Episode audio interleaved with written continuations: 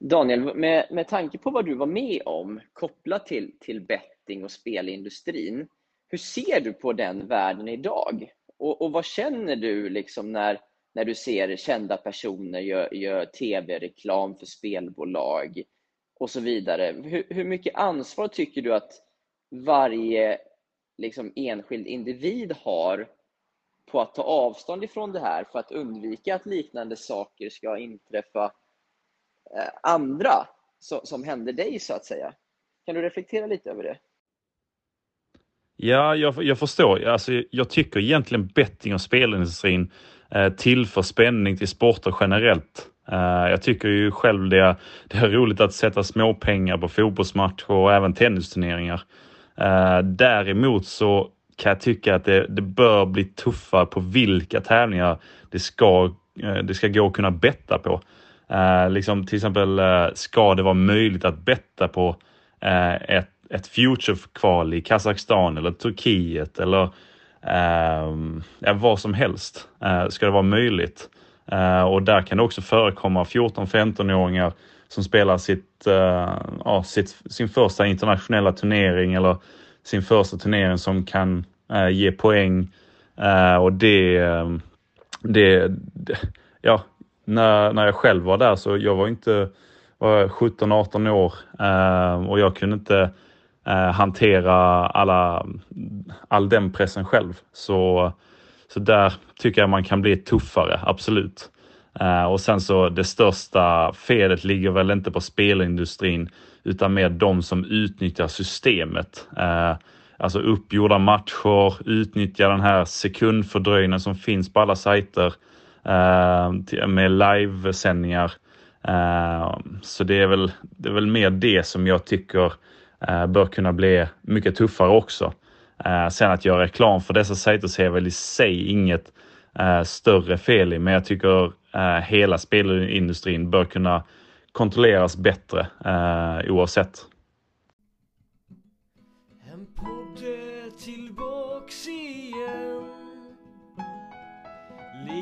Linus på baslinjen. Ja, han är tillbaka igen. Linus på baslinjen.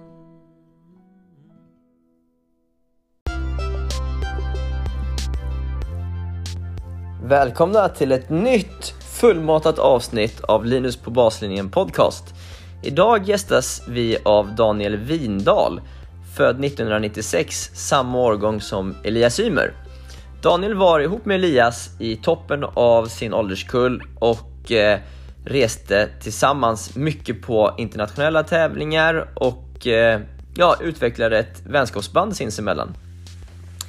Daniels eh, historia har sedan gått i en annan riktning än eh, Elias vad det gällde tennisdelen. Eh, Daniel utvecklade mot slutet av sin juniortid en depression och fick så småningom problem med skador. Men han började också, ja, han mådde dåligt eh, mentalt eh, och inte blev det bättre när olika spelsyndikat började kontakta honom med frågor och uppmaningar om att lägga sig i sina tennismatcher. Eh, Idag lever Daniel som paddelspelare och ligger runt topp 100 i världen i den sporten. I det här fullmatade avsnittet så pratar vi om hur det, är, eh, hur det var att ha sin pappa som tränare, Jörgen Windahl alltså. Vad han tror bidrog till att han själv tappade lite i sin utveckling medan exempelvis Elias Ymer fortsatte uppåt. Hur eh, Daniels depression ledde till självmordstankar. Hur det gick till när han blev uppmanad att lägga sig i sina matcher Eh, vi pratar om hur Ja, vi pratar om paddel generellt och hur viktigt det är för padden när att så många aktörer vill streama matcherna. Något som varit en lite het potatis inom svensk tennis. Ja, ett superintressant avsnitt som eh, eh, ja, men man blir berörd av det eh, och samtidigt är det väldigt intressant att höra Daniels reflektioner nu i efterhand eh, och såklart kul eh, att prata lite om paddel och jämförelser med tennisen. Så ja, ni har ett härligt avsnitt framför er så vi kör igång. Välkommen Daniel Windahl!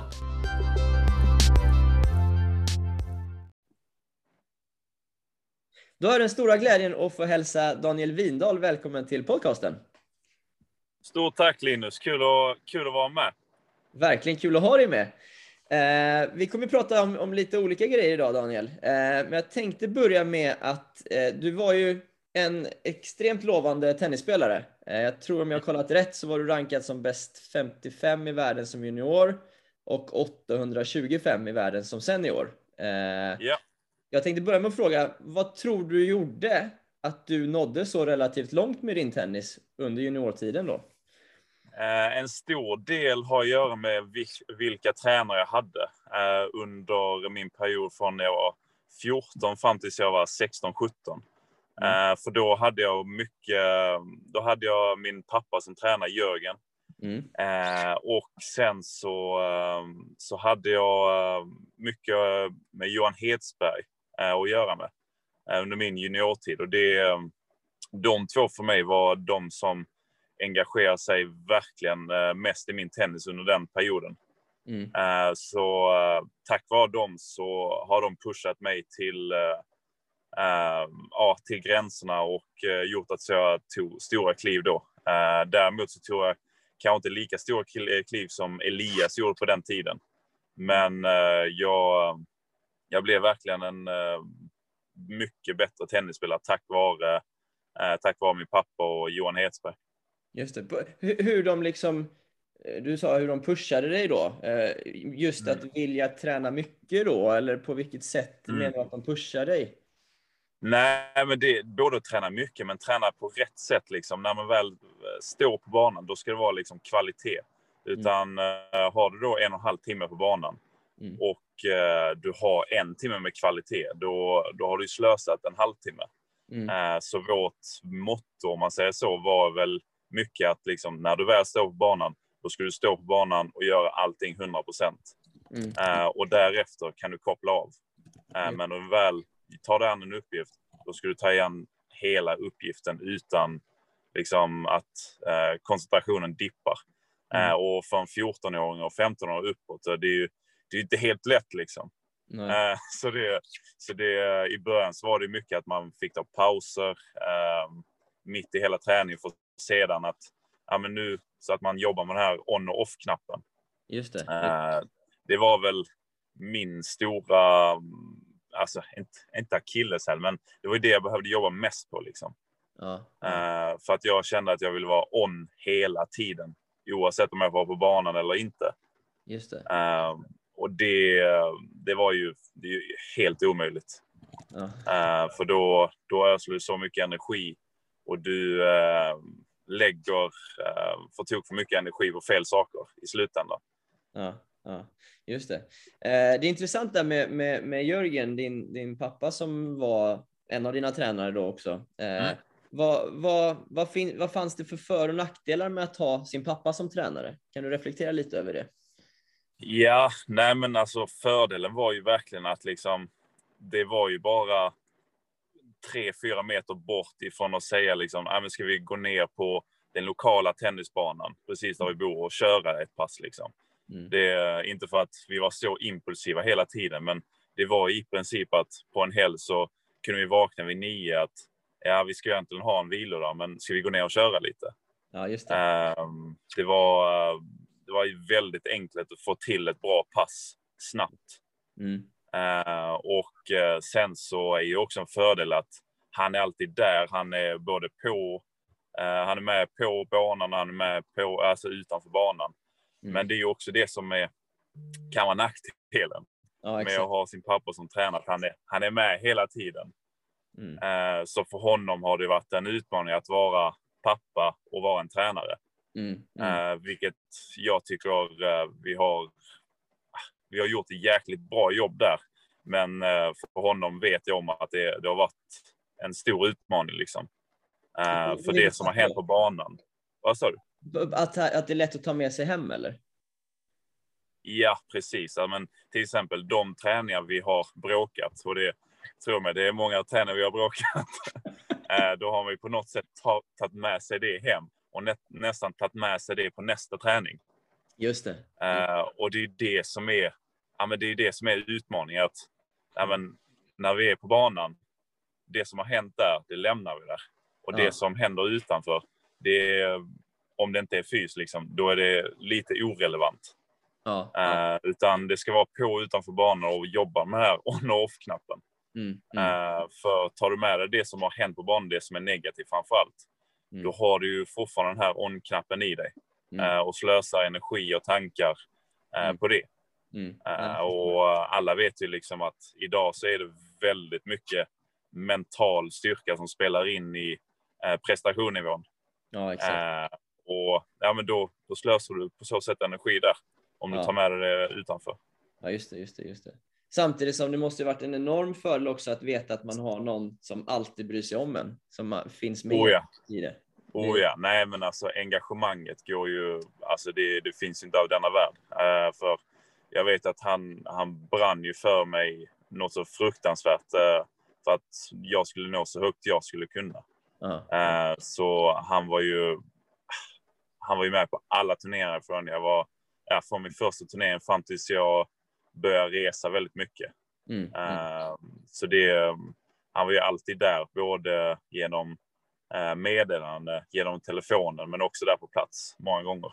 Exakt, exakt. Så han tog hand om min uppvärmning, han tog hand om min stretch efteråt. Och visserligen så är det ett eget ansvar, men eh, för mig så funkade det väldigt bra att vi gjorde det tillsammans. Ja, ja, Eh, Så det var ju min trygghet. Eh, Och jag mådde ju bra av att ha honom nära. Och när man mår bra så har man ju större, eh, ja, större chans att prestera bra, tror jag. Ja, men exakt, exakt. Du nämnde ju här förut att eh, Elias eh, Ymer, som eh, Mm. du- och han följdes ju åt en del under juniortiden. Ja. Eh, var ju båda liksom topp i landet och, och så vidare. Mm. Vad, vad betydde det att, alltså vad betydde den konkurrensen för din utveckling? Både, var det bara positivt att man hade någon som man hela tiden strävade framåt med, eller kunde det bli Ja. en stress också? Nej, men jag, jag tror det att eh, jag blev så pass bra tack vare Elias också. Okej. Eh, och jag tror det är, alltså vad ska man säga, 98 procent positivt. Mm. Att ha en rival eh, som i mitt fall också var min bästa vän. Mm. Eh, som vi har ju fortfarande kontakten idag och så vidare. Mm. Eh, men där och då så vi mötte varandra väldigt ofta och vi, vi hängde med varandra när vi reste och vi liksom vi kom varandra väldigt nära. Ehm, och på så sätt så hade vi en speciell relation med det. var verkligen det som jag tror triggade oss till att ta nästa steg och nästa steg, i, speciellt i junioråldern. Ja, ja. Eh, och sen så uh, blev, tog han ju större kliv än mig när vi kom upp till 17-18 uh, ålder. Ehm, och jag kanske tog ett kliv tillbaka med mina eh, problem som jag hade. Men jag tror verkligen att det var nyckeln till att vi kunde fightas med varandra eh, och pusha varandra till eh, gränserna. Mm, Eh, mm. för vi, vi pratar ju mycket utanför liksom, om djupt. alltså, vad, vad krävs det för att bli en topp 100-spelare, topp 200-spelare? Vad, Mm. vad har du som inte jag har? Vad har jag som inte du har? Det där Alltså, ju vi- velat vi höra, jämför. de snacken. Ja, vi jämförde varandra väldigt mycket. Wow. Och det var liksom, ja men, ja, men du, du gillar ju att träna mycket. Nu nu försöker jag imitera Elias på den tiden. Ja, men det är Ja, men, ja, men du gillar ju att träna mycket och jag gillar att träna mycket. Och du, du, du spelar ju bra forehand. Så du, vi kan ju utvecklas tillsammans. ja, men alltså det var, vi fann typ, alltså, o, alltså likheter som var helt orelevanta. Men det var så vi bondade nästan.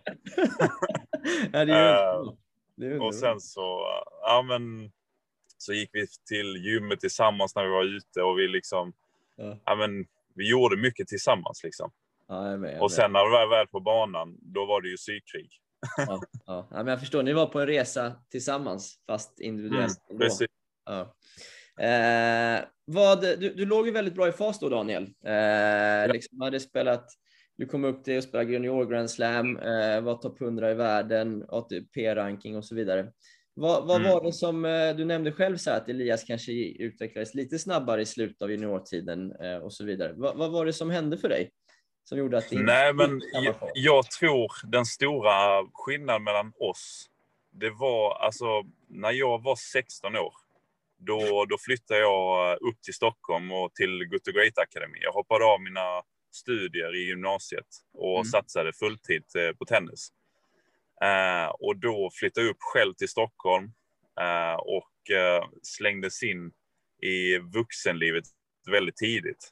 Mm. Mm. För liksom, jag fick, jag fick laga mat själv, jag fick, jag fick gå till träningen själv, jag fick, alltså alla de här vuxengrejerna, Mm. det, det, det tog jag på stort allvar. Men jag tror för mig var det ganska tidigt att hoppa in i vuxenlivet, att klara sig själv. Okej. Eh, att man tar sig till träningen eh, och är med alla, alla andra där.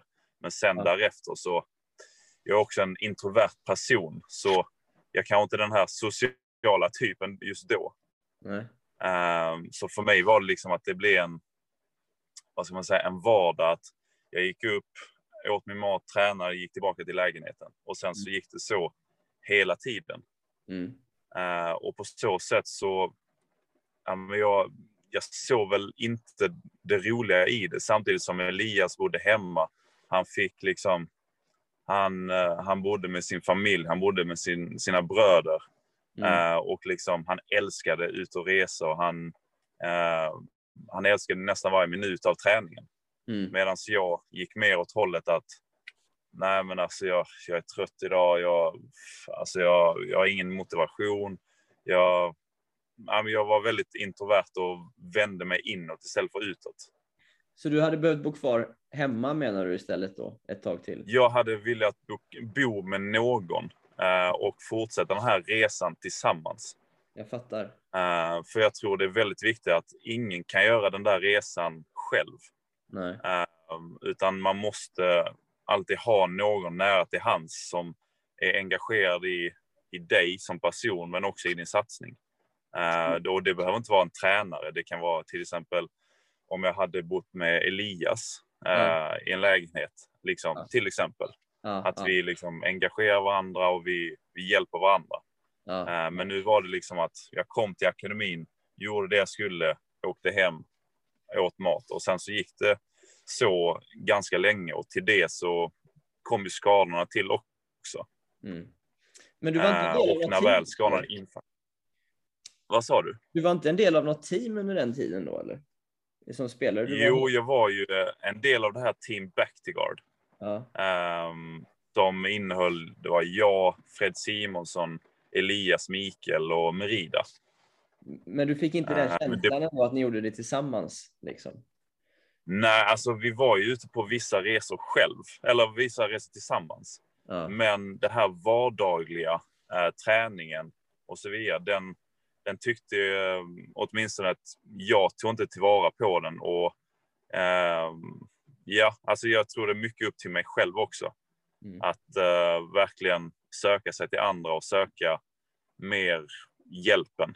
Mm. eh, Mm. Istället för att hjälpen ska komma till dig. Jag förstår. Eh, och det var det väl den stora skillnaden att när men jag utvecklade med en depression och när väl skadorna infann sig så var det långa perioder som jag infann mig på akademin och sen till lägenheten. Mm. Mm. Eh, så det är där hela min depression började gå igång lite Ja. eh, vid 17-18. Är det här något du liksom har eh, kommit underfund med i efterhand att det berodde på det här? Eller kunde du tänka kring, liksom samma saker då? Alltså försökte du göra Nej. något åt det där och då liksom så här? Nej, men där och då så försökte jag liksom. Jag hade ju just då vid den tiden 17, 18, 19. Då hade ju Peter Karlsson som eh, tränare Mm. eh, som för övrigt var. Ja, han var ju en extra pappa för min del. Mm. Eh, men det slut, alltså det började med att jag gick till eh, idrottspsykolog, KBT-psykologer Mm. eh, och liksom var, försökte utveckla ett mönster som, som skulle vara positivt för mig. Just det. Eh, både på banan och utanför banan. Mm. Men det funkar inte riktigt för mig. Liksom. Jag, jag var väldigt negativ och jag var väldigt liksom, när, när jag mådde bra spelade inte bra och spelade inte bra, alltså då, alltså då, jag hade väldigt svårt att vända den där kurvan uppåt. Jag förstår. Du, om, man, om man gick tillbaka lite i det du sagt innan så var ju liksom dels din pappa men även Elias var ju kanske de två personerna det låtit som ja. att du var närmast liksom. Eh, mm. Pratade du med, med de två om det här?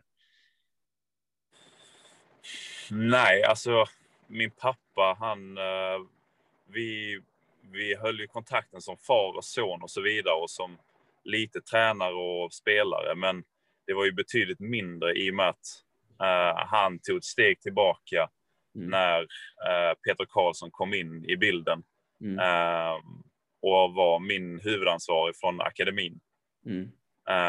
vilket jag, både jag och pappa var liksom, eller Jörgen var ju väldigt glada över det och Peter har ju också spelat stor roll på, in på mig som, som person framför allt.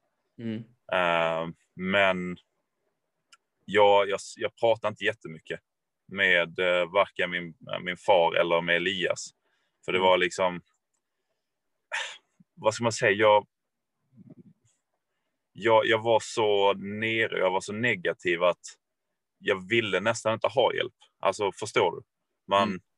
När man väl fick hjälpen så liksom så var man lite trångsynt och inte tog ta den liksom fullt ut. Nej, nej. Um, och det är ju det som, det är det som kommer in med min introverta uh, juniortid då, att liksom, jag så klara mig själv. Liksom, det, det är väldigt individuellt. Liksom. Men, men även under de här sista åren där då, liksom, hade du fortfarande en dröm om att bli tennisproffs?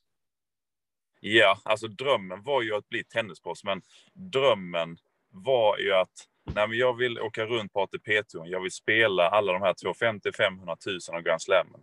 Jag vill mm. vara en av dem som reser runt 44 veckor om året. Liksom.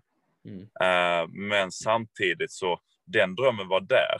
Men de här stegen upp till drömmen, de, de såg jag inte lika tydligt. Liksom, utan jag, vet, jag visste bara vad slutdrömmen var. Mm. Men jag visste inte stegen dit, alltså lika tydligt. Och mm. Eh, hade vi satt oss ner, du och jag, där när jag var 17 år, då, eh, då hade jag säkert sagt något i stil med att ja, men eh, när jag blir topp 200 då kan jag spela lite challengers och, och då kommer det bara gå rakt uppåt. Mm. Det var liksom inte, nej men vi måste börja få upp på Future och sen så göra några kvartsfinal, semifinaler för att sedan ta oss vidare till Challenger-kval och därtill så måste vi göra den här, den här träningsdosen, utan det var liksom bara rankingmål, om man säger så.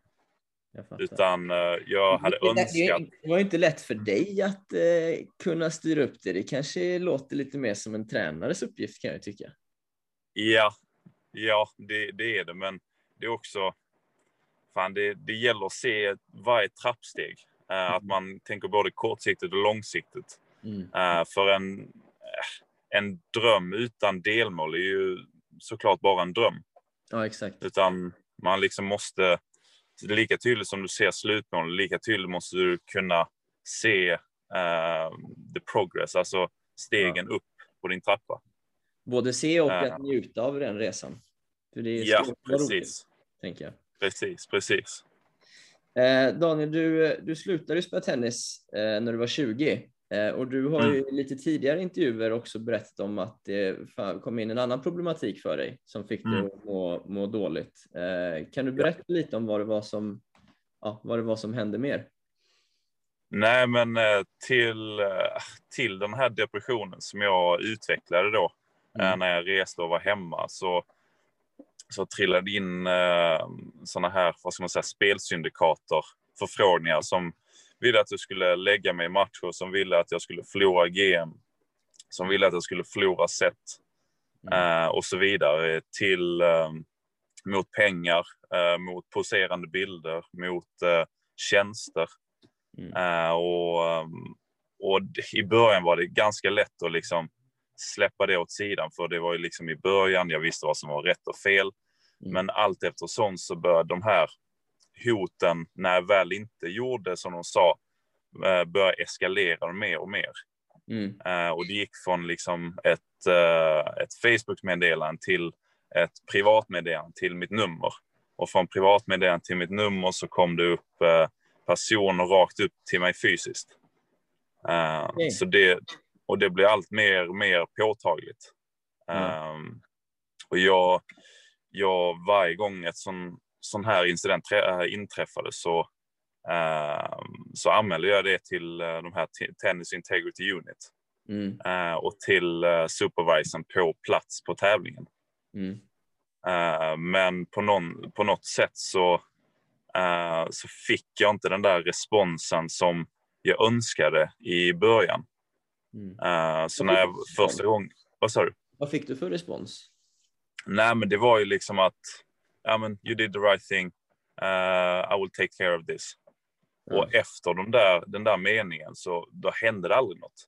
Utan det var liksom aldrig, ska jag visa det meddelandet eller ska jag, eh, ska jag skicka det någonstans? Eller ska, alltså, Mm. det, det var liksom två meningar och så, ja men då kan du värma upp inför din match. Liksom. Ja, just det. Det. Eh, och, det, och det hände i början och det ledde väl till att nej men detta är ingenting att prata om. Alltså Mm. varför, alltså det verkar, verkar som inte någon brydde sig. Just det. Eh, och det gjorde så att nej men då, håller, då, då höll jag det inne mig liksom. Inom Mm. mig. Mm. Eh, speciellt när hoten började eskalera då, då infann sig en rädsla att nej men det här kan inte jag berätta för någon liksom. Mm. Mm. Eh, och det var ju det felet jag gjorde eh, som, eh, som ung spelare. Att fan, alltså berätta för alla näs, nästan. Just. Att berättar du så kan det vara fler som hjälper dig. Ja. Och berättar du så kanske det, det har mer styrka i sig. ja, exakt.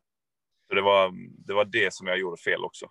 Vet du om, eller pratar du med någon annan spelare om det? Vet du om fler fick samma, liksom, eh, också blev approachade på det sättet av spelarna? Nej, men jag, jag hörde lite löst. Eh, och eh, vid ett tillfälle så vet jag att uh, Patrik Rosenholm blev approachad vid, något, eh, vid någon turnering. Mm. eh, som även han gick och anmälde. Mm. Och då, då kände jag liksom, ja, men det, det, det kanske är vanligt att det händer. Liksom. Mm.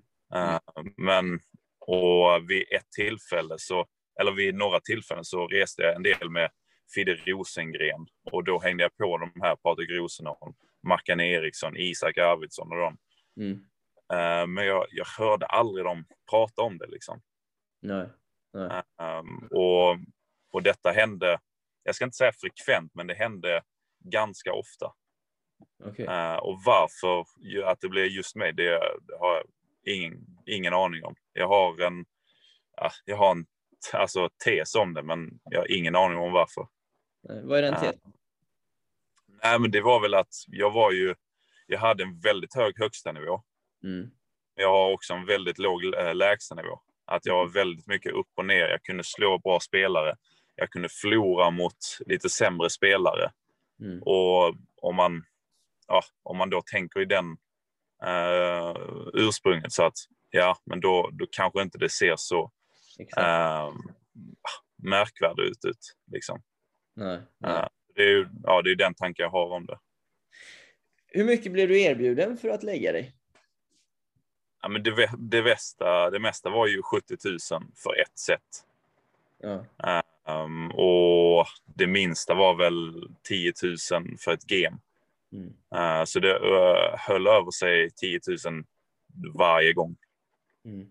Det är ganska mycket och- pengar om man ser till hur mycket prispengar det är i de här. Future-tävlingarna. Eh, kan du se att folk eller spelare blir lockade att ändå säga ja till det ibland?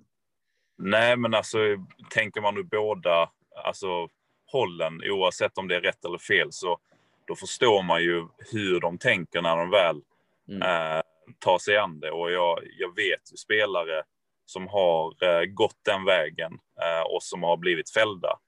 Eh, och liksom, ja, de har tjänat mycket pengar på det, men de har ju betalat tillbaka allt. De har smutsat ner sitt namn och de har blivit eh, livstid avstängda från tennisen.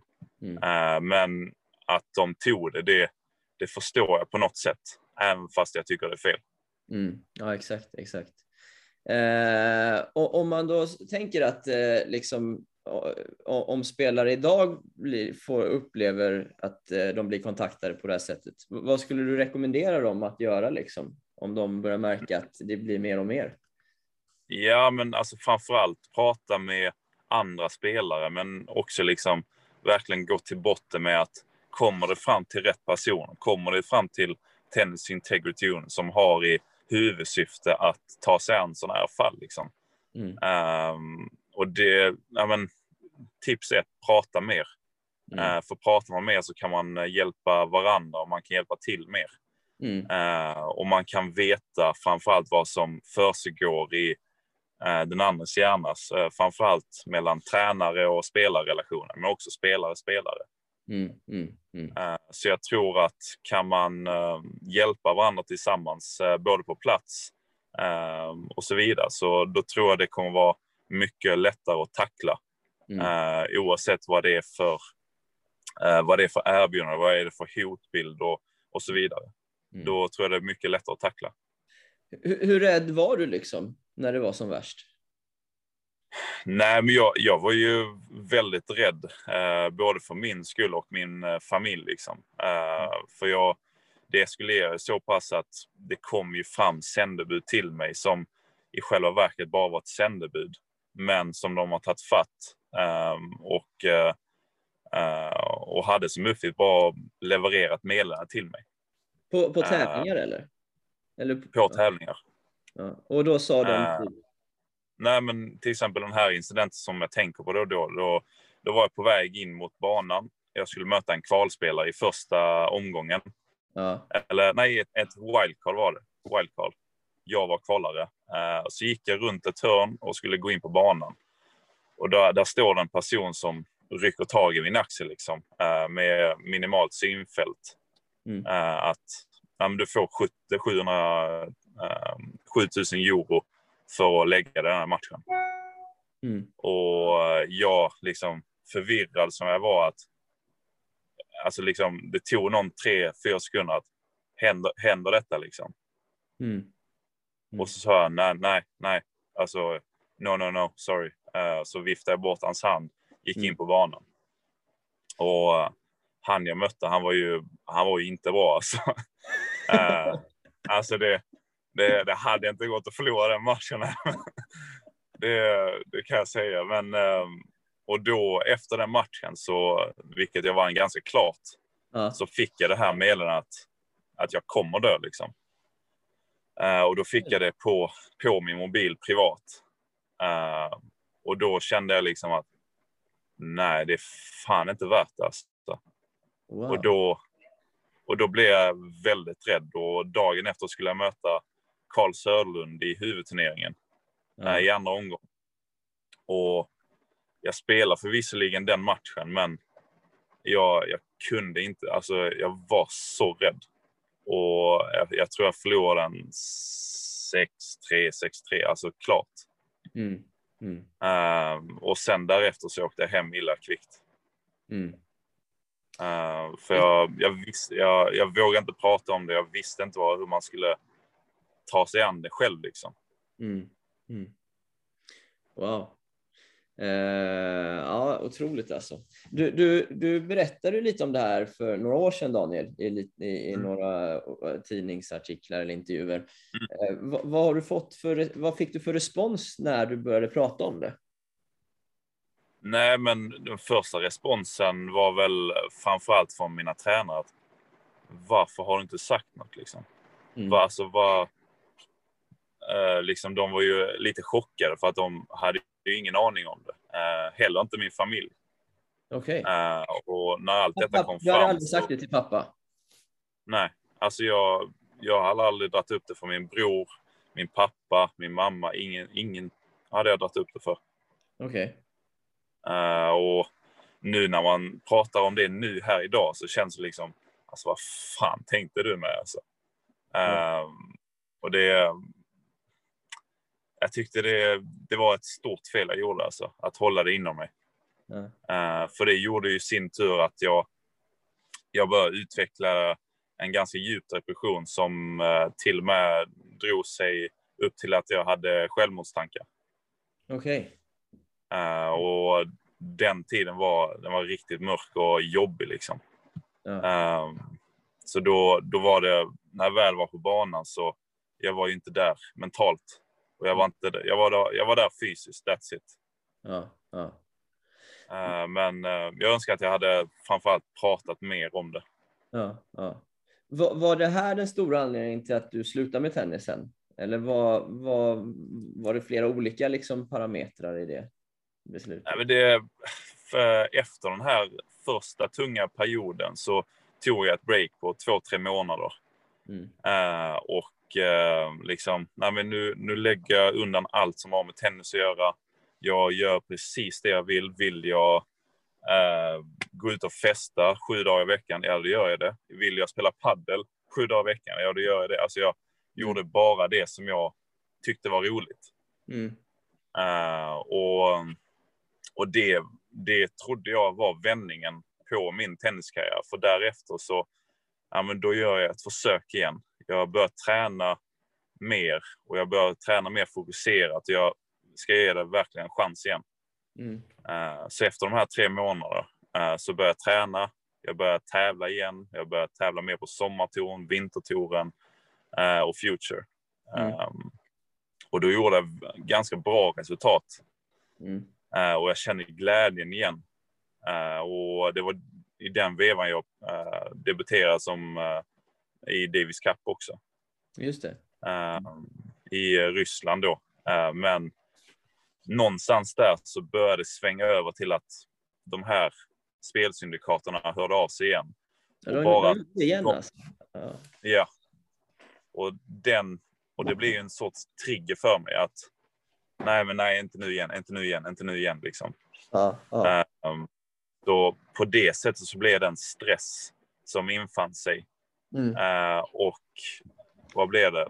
Fyra månader senare, uh, efter min Davis Cup-debut, eller om det var fem eller något sånt där, så då kände jag ingen glädje när jag reste runt och när jag uh, mm. spelade tävlingar. Jag kände ingen glädje överhuvudtaget. Mm. Mm. Uh, och då infann sig den här känslan att vad, vad, vad, vad håller du på med? Det, liksom? Just det. det är liksom, du ska, du ska vara glad. Du, du har så många saker som uh, flera andra inte har. Och du, liksom, du ska vara glad att du, du har en familj. Du ska vara glad att du har din uh, min, min flickvän. Och det är liksom, Mm. jag mådde inte bra, även fast jag hade det Mm. mer eller mindre bra. Mm. Uh, så då, då valde jag liksom, nej men då lägger jag racket på hyllan, uh, fokusera på att uh, må bra. Och det var då min uh, livboj som då, är, som då var padden kom in i mitt liv. Okej, okay. ja, jag är med. Vi, vi, ska gå, gå in lite mot padden, men, men jag tänkte, finns det betting inom padden idag eller? det finns betting inom padden, men väldigt begränsat. Okej. Okay, okay. Alltså du, du kan bara till exempel spela på matchvinnare. Eh, och det är bara på de, eh, alltså de stora turneringarna. Okej. Okay. Har, du har, du funderat, har du funderat något på vad som kan hända när bettingen öppnas upp mer inom padden? Ja, nej men jag, för mig, alltså mitt önsketänk är ju att det inte ska få hända liksom. Men det, det är också en sak som är helt oundviklig. Som inte ja. jag har kontroll över. Uh, men det som jag känner mig trygg med idag, idag är att när jag har lärt mig en jävligt viktig läxa och jag, jag har uh, samlat på mig uh, mer styrka och mer, vad ska man säga, vux, vuxenpoäng tänkte jag säga. Men alltså att man, man känner sig mer vetande om hur man ska tackla ett sånt här problem. Mm, mm. Uh, och jag känner mig också vetande hur jag ska uppnå mina mål som spelare, mm. men också person. Just det, just det. Skulle du säga att du idag liksom mår fullt bra igen som person?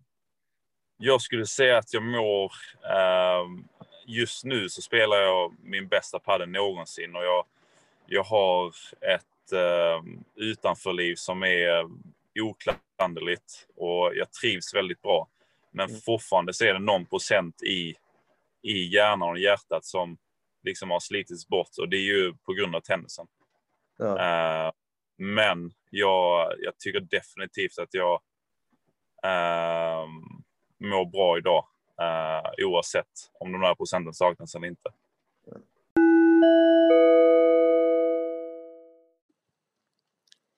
Jag är jätteglad över att få hälsa Tennisshoppen välkomna tillbaka som partner till den här podden. Och vi gör det med en raketstart. För mellan den 21 till 28 november så är det Black Week hos Tennisshoppen. Och med rabattkoden BW21 så har man mellan 25 till 60% på hela sortimentet. Bortsett från paddel tennis och tennisracketar samt på bollar för de är redan nedsatta med 25%. Så BW21 för en riktigt härlig rabatt under Black Week veckan 21 till 28 november. Och välkomna tillbaka Tennisshoppen som partner till podden och hemsidan Linus på baslinjen.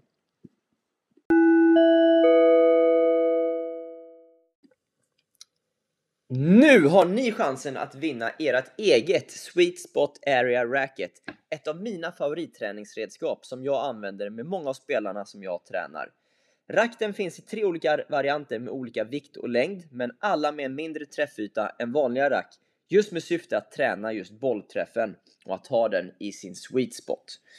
För att vara med i den här tävlingen så behöver ni på Instagram posta en story och tagga Linus-SE-Eriksson samt House of Bontin och två vänner och visa tydligt att det är den här tävlingen ni vill vara med i. Eller i en kommentar till ett av inläggen om just den här tävlingen hos mig eller hos House of Bontin tagga två vänner plus mig och House of Bontin. Tävlingen pågår november ut, så ta chansen att vinna ert eget Sweet Spot Area Racket så att ni också kan maximera era träningar.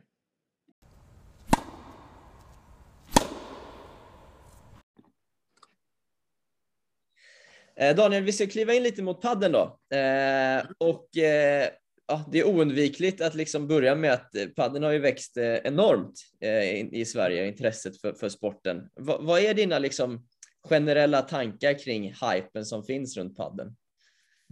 Nej, men för gemene, gemene man så tror jag det är väldigt mycket att det är liksom intresset har ökat. engagemanget har ökat. Sen så har ju allt det här med marknadsföringen ökat som har lockat till sig stora företag. Eh, det är många eh, företagspersoner som spelar paddel eh, och som har det som lite tävling mot andra och rivaliterade företag också. Liksom. Så jag ja. tror det, ja, det är mycket engagemang och glädje som hör till padden. Ja, ja. Vad, vad, vad, skulle du säga som kommer ifrån tennisen och varit liksom väldigt involverad i tennisen tidigare? Mm. Vad har padden gjort väldigt bra, kanske liksom jämfört med tennisen, eftersom ni lyckats attrahera mm. sponsorer och partners på ett helt annat sätt än vad svensk tennis har mm. lyckats med?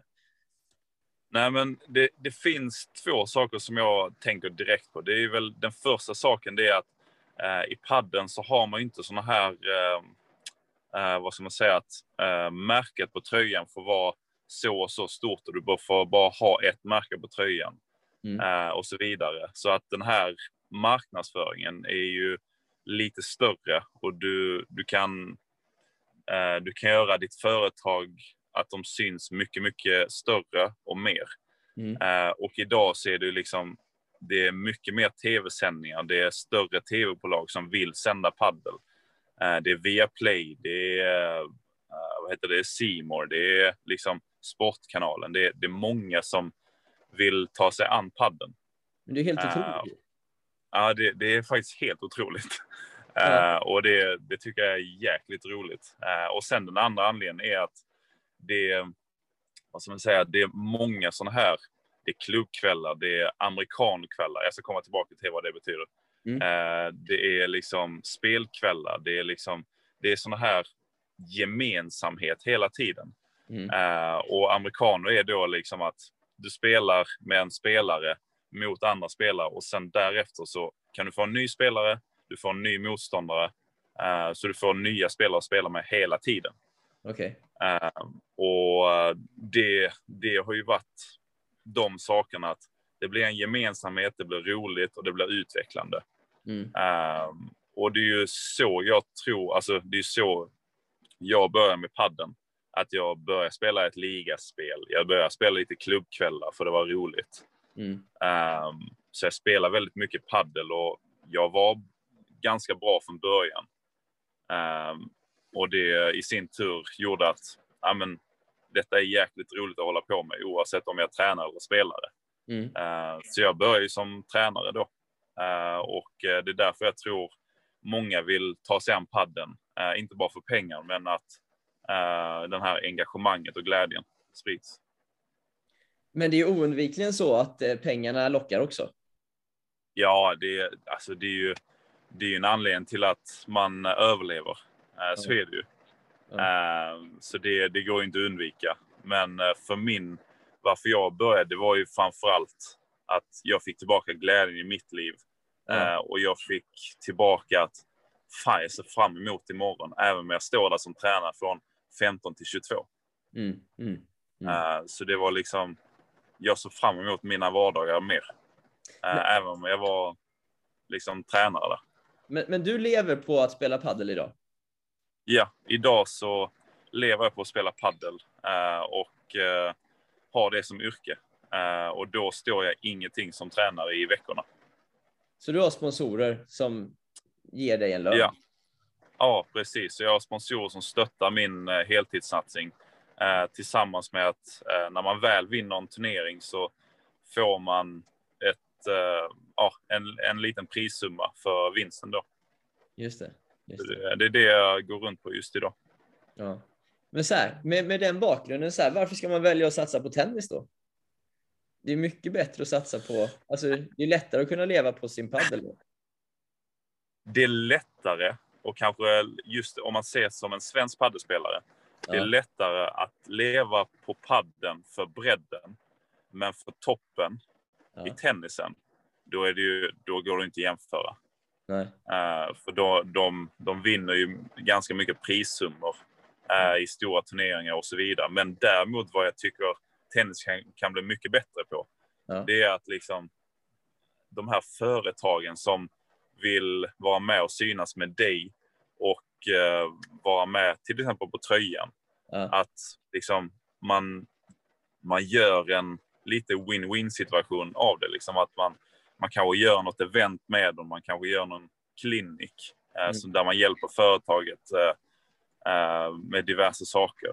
Eh, Men att det inte bara blir liksom att här har du en summa, du ska ha det här på tröjan och sen så hörs vi om ett år igen.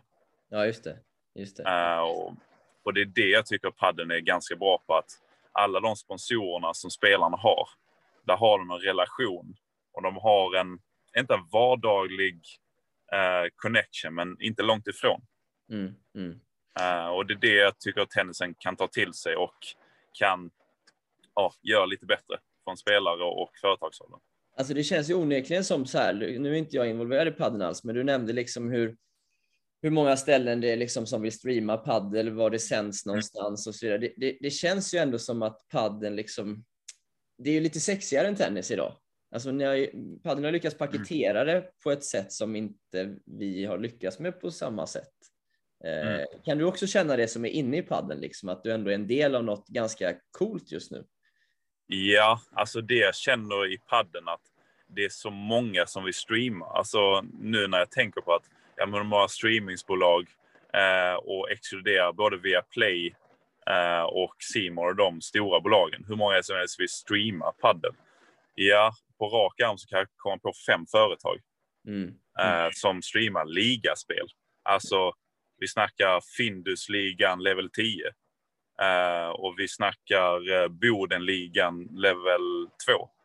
Ja. Alltså det är så jäkla många som vill streama, som vill ha det här, eh, vad ska man säga, underhållningen. Eh, För det är ju det är lite underhållningsvärde på padden, att det är liksom, det är roliga bollar, det är långa bollar. Ja. Eh, och i och med att intresset har ökat så att nästan, inte varje svensk spelare, men alltså många svenska spelare så är det så att det är många som vill titta på andra. Ja, ja. Eh, Så på så sätt har intresset eh, flytit på och därtill att när du väl ser en stream så är det alltid något företag som syns i liksom Just det. ah, vinkeln du streamar i. Ja, exakt, exakt. Och, ehm, och det, idag så kan jag bara se att Tennisportalen gör den där uppoffringen. Mm. Eh, och det är liksom, när, jag, jag har ju bara sett dem streama Ja, eh, de här tennismatcherna utöver alltså de här som streamar ATP och Grand Slam och så vidare. ja, Ja. Så jag tror det här, även om det inte är kvalitetsstream, det behöver inte vara liksom 1080 kvalitet. nej. Men det, jag tror det behöver finnas fler som streamar tennis och som får väcker liv i intresset. Ja, ja, jag håller helt med. Det är otroligt viktigt och, och Alex Theodoridis och Tennisportalen har gjort ett kanonjobb verkligen med det där. Ja, Eh, både du och Tennisportalen måste jag säga. Ja, ja, ja, ja, tack så mycket. Eh, Daniel, hur, eh, hur bra är ni svenska elitspelare i padel då? Alltså om man jämför med toppen så är vi ju inte där. Ehm, vi, idag så har vi ingen på topp 50 och ingen svensk spelare på topp 100 heller. Okej. Eh, däremot så, så tror jag inom, eh, inom ett par år så tror jag definitivt vi kommer ha eh, både topp 100 och topp 50. Okej. Eh, eh, men idag, om man ser till läget just idag och bakåt, så är ju toppen ganska många nivåer högre. Ja, om ligger så. vad ligger du någonstans? Jag ligger idag 109 i världen. Ja, det är bra ändå. Ja, nej men vi... Om man säger till detta året och det som kommer, då tror jag verkligen att eh, för min individuella prestation så tror jag definitivt att jag kan eh, eh, ta mig in på topp 50. Eh, Mm. För jag, jag känner att jag, jag lägger ner väldigt mycket tid och jag lägger ner väldigt mycket kvalitet eh, och har hittat nycklar i både mig som person och mig som idrottare att ja, men jag tror fan att jag kan eh, ta in på dessa världstoppspelare som, eh, som inte enligt mig gör det här vardagliga jobbet och som gör det här hundraprocentiga gedigna jobbet som jag eh, kommer eh, göra liksom. Och då Ja. ser jag att då kommer jag ta in dem varje dag som går. Så kommer jag ta in på dem minst en timme. Okej, okej. Hur, Då, mycket, eh, hur mycket tränar du idag? Det beror på vad det är för vecka, men en för, försäsongsvecka då ligger vi ju ja, mellan eh, 17 upp till 20 timmar eh, med fys och paddel på en eh, försäsongsvecka. Ja, okej, okej. Eh, och sen på en tävlingsvecka så är det ju betydligt mindre. Såklart. Eh, I och med att då är det ju då är det fokus på att prestera. Så då kanske du bara, vad ska man säga, då kanske du har 6-7 timmar paddel utöver eh, tävlingar och, och matcher och sådär. Eh, Mm. med någon kompletterande fys. Ja, ja, häftigt alltså. Eh, Ja. En sista fråga här vad det gäller padden. Eh, det, det har ju varit, det är ibland lite kul att se när det är liksom, Mm. det kommer ut lite bilder och så vidare. Det var någon bild på landslaget för någon månad sedan där, Ja. där alla paddelspelare nästan är tennisspelare i grund och botten.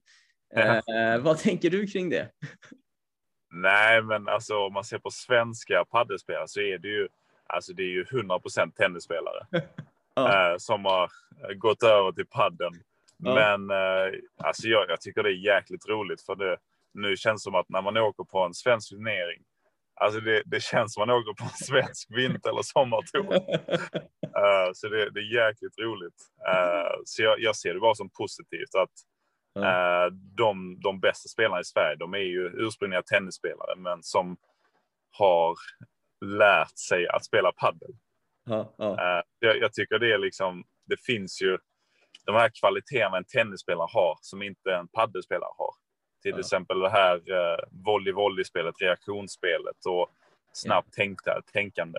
Eh, sen så finns det ju många saker man behöver förbättra, men jag, jag tycker det i grund och botten är jäkligt roligt att åka på svenska turneringar.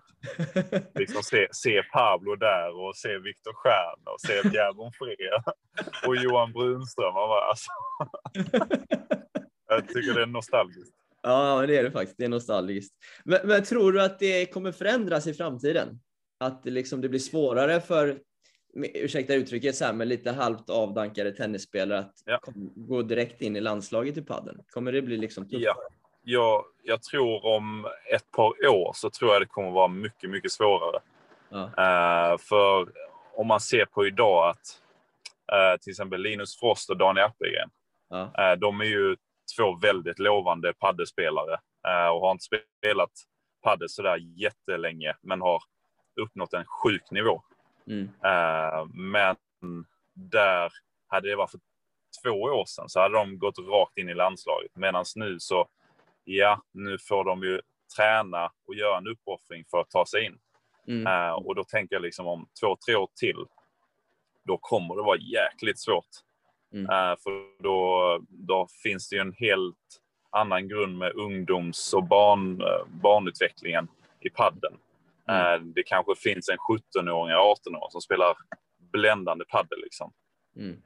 Så jag tror det kommer bli mycket, mycket svårare. För det har ju funkat, det har fungerat på så sätt att det är en ny sport. Precis. Ehm, och eh, det har inte funnits sådär jättemycket um, talanger, men alltså sådana här ehm, grundtalanger som bara har det. Ja. Eh, och det, jag tror det kommer att sållas bort mer och mer, för det kommer be- behövas mycket mer uppoffringar eh, inom ett par år.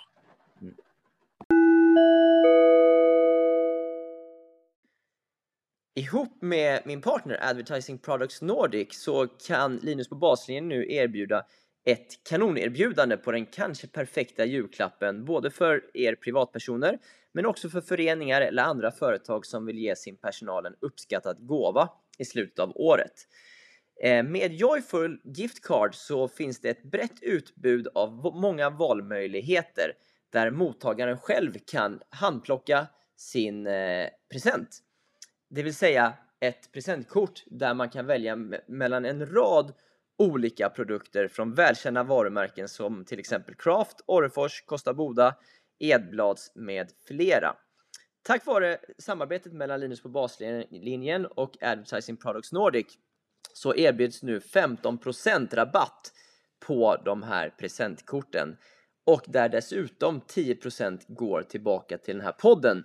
Så ni hjälper till att göra den här podden eh, möjlig att fortsätta med.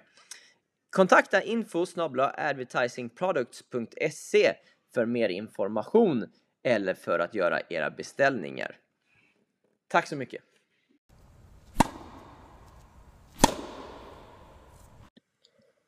Nu ska vi ta och lyssna på när Martin Brock gästade min podd för eh, något avsnitt sen.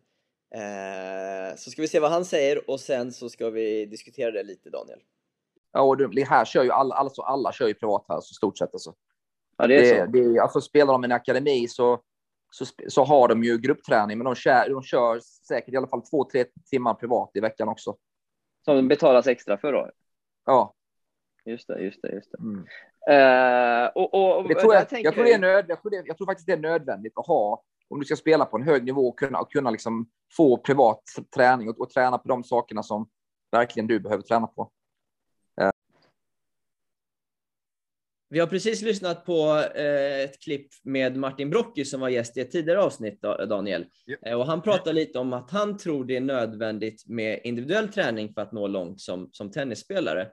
Eh, då undrar jag lite, Mm. hur, hur såg dina träningar ut som tennisspelare när det gällde grupp kontra individuell träning när du var yngre? Först och Mm, främst. alltså, det var ju, vad ska man säga, när jag var yngre så var det ju mycket individuell träning tillsammans med min pappa Jörgen. Mm. Eh, och, men då, då kunde han stå upp som sparring också. Eh, när, jag var, ja, när jag var från 10 upp till 14-15. Mm. Då kunde han stå upp som sparring. Så då, då var det väldigt ofta han och jag.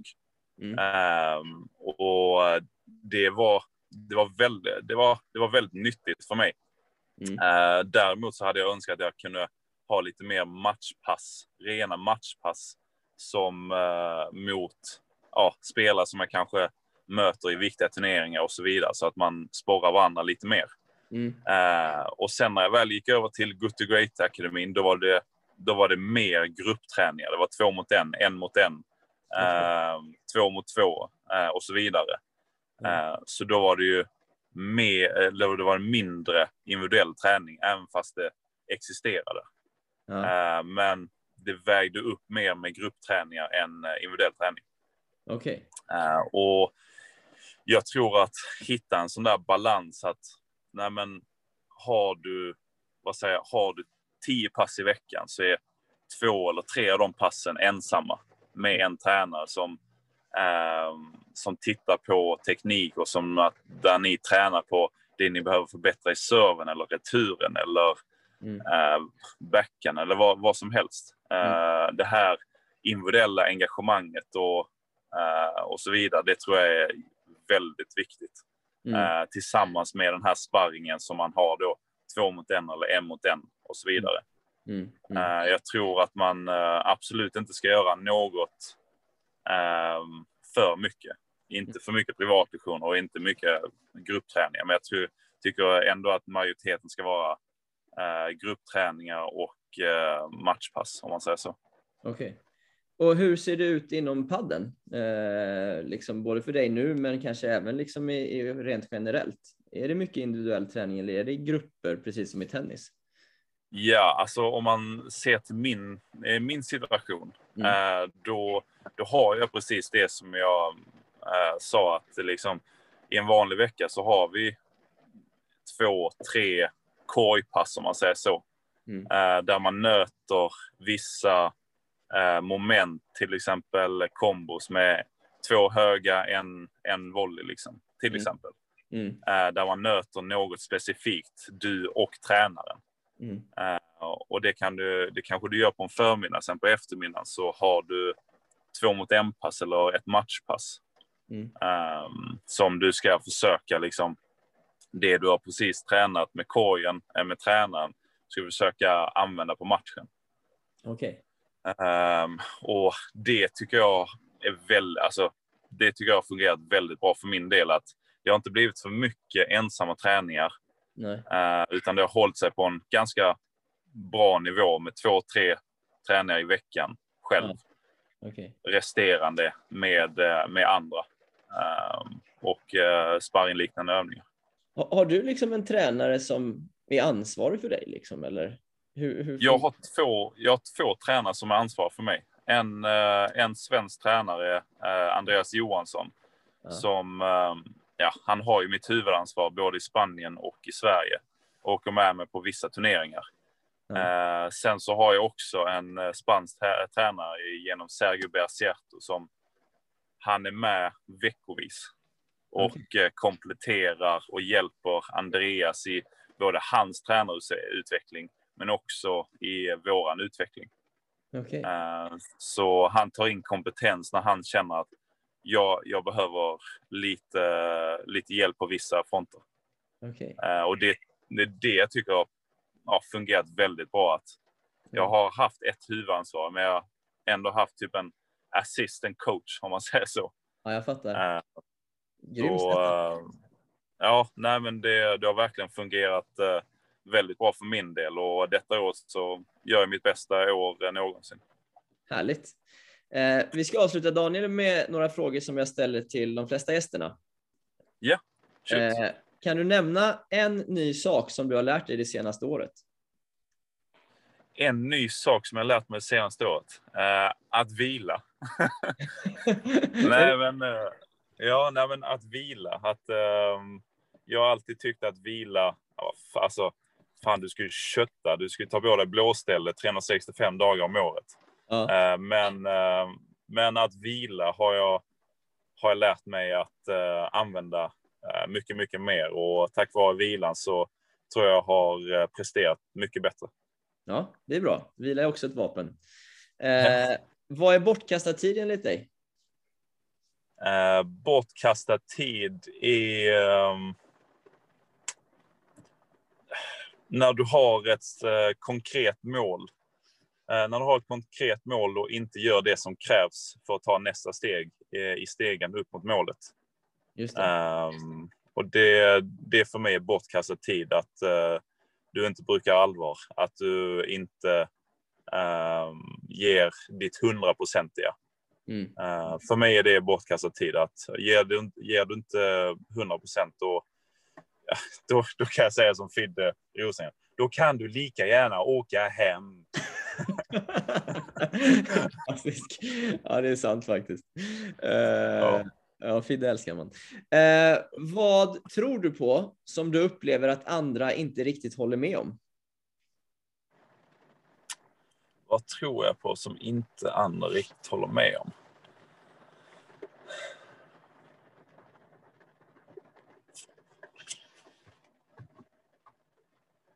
Uh,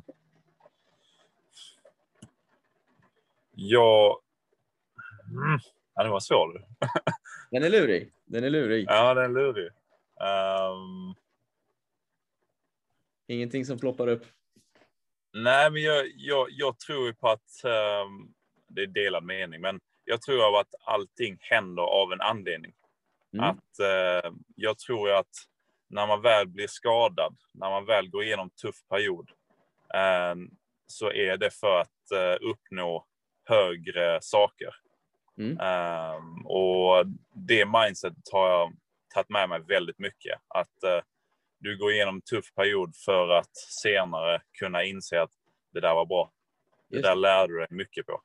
Ja. Eh, och ehm, och det, det kunde jag inte säga eh, under min tid i tennisen, men det kan jag säga nu att det, det var bra till en viss del för att jag lärde mig jäkligt mycket. Ja. Ja. Och det är det jag försöker eh, göra bättre nu i padden med alla de där tankarna och idéerna. Just det, just det, just det. Ja, det är svårt eh, i nuet att alltid förstå det kanske, men. Eh, Precis, ja. precis. Eh, vad har du ändrat uppfattning om den senaste tiden? Alltså jag, jag är ju alltid... Alltså menar du mer till sporten eller menar du alltså generellt? Du kan egentligen välja lite. Eh, det är en generell fråga. Ja, nej men det... Min uppfattning har ändrats väldigt mycket att det finns annat än eh, sport. Det finns annat än att eh, prestera. Det finns ett liv utöver tennis och padel. Säger han som gick från full tennissatsning till paddelsatsning. Ja, nej men jag, jag har... Eh, alltså, en litet mynt har fallit ner i min skål att liksom... Nej men, du vet att en dag så kommer du inte vara en tennisspelare, en paddelspelare liksom. Ja, Eh, och det, det finns mer i världen än eh, att prestera. just det. Men ehm, Vad, vad det ska är du väl det göra jag då? har... Vad sa du? Vad ska du göra då? Nej, då, då ska jag verkligen eh, fokusera på barn och ungdom eh, i eh, deras utveckling. Om det är med sport eller om det är med, med, med annat. Ja, Så jag, ska, jag vill gärna fokusera på den yngre, yngre versionen. just det. Ja, men det är bra. Sista frågan. Eh, vad önskar du dig mest av allt just nu?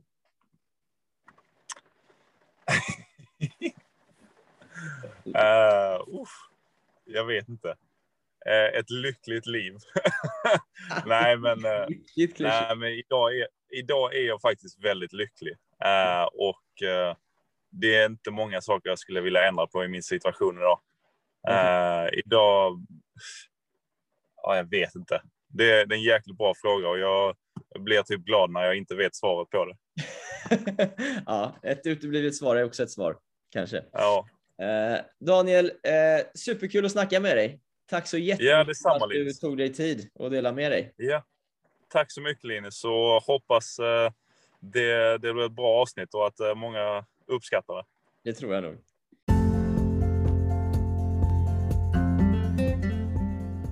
Tack för att ni lyssnade på det här avsnittet med, med Daniel Windahl. Jag tyckte det var superintressant att höra Daniel reflektera kring ja, men egentligen alla ämnena vi kom in på.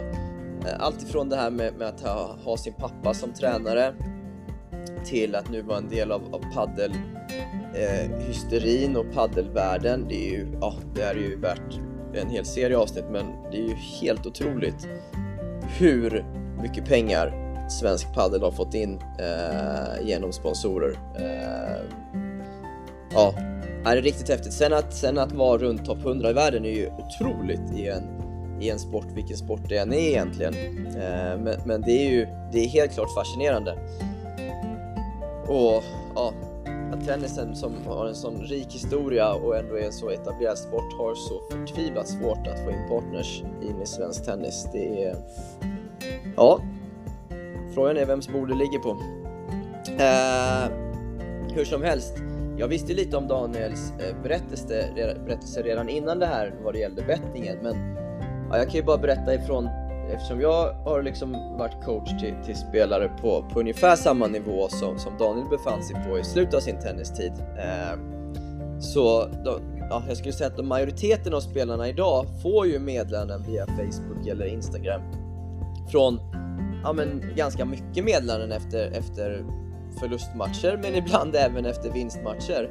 Eh, där folk skriver det ena grövre än det andra men, men alltifrån att hur, hur dåliga de är som spelare till hur värdelösa de är som människor till ja, liksom ja, man, man borde inte finnas mer. Eh, men, men skillnaden är att de här personerna har ju bettat själva och förlorat lite pengar på det såklart. Men, men vad jag förstod det som, och ni får rätta mig om jag har fel, men det är ju att det var ju mycket större större drakar eh, i, i, form av syndikat som liksom verkligen kontaktade Daniel som, och, och, de vill ju göra upp matcher. Det är ju sällan personer liksom, eller spelare varje vecka blir kontaktade liksom, i det ärendet. Eh, så det är ju en, en, ganska stor skillnad där.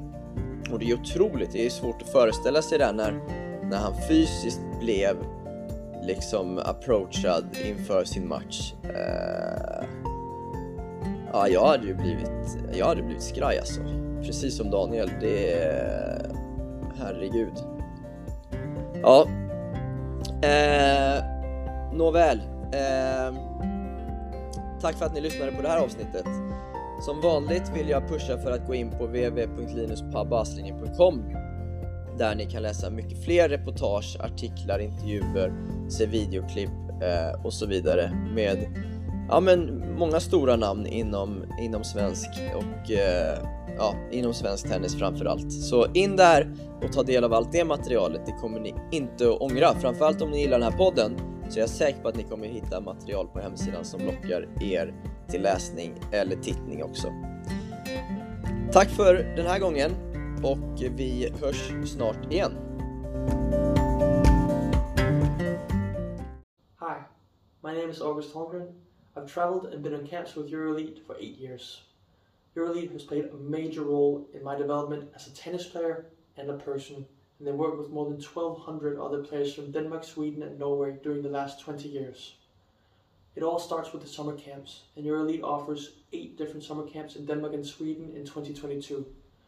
They're high quality camps with five days of more than 18 hours of tennis, fitness, theory, and UTR match play with a focus on becoming a better match player.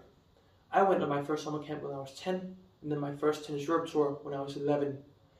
After the Tennis Europe tours, you go on ITF tours. I've been on pretty much every ITF tour that EuroLeague has to offer, twice.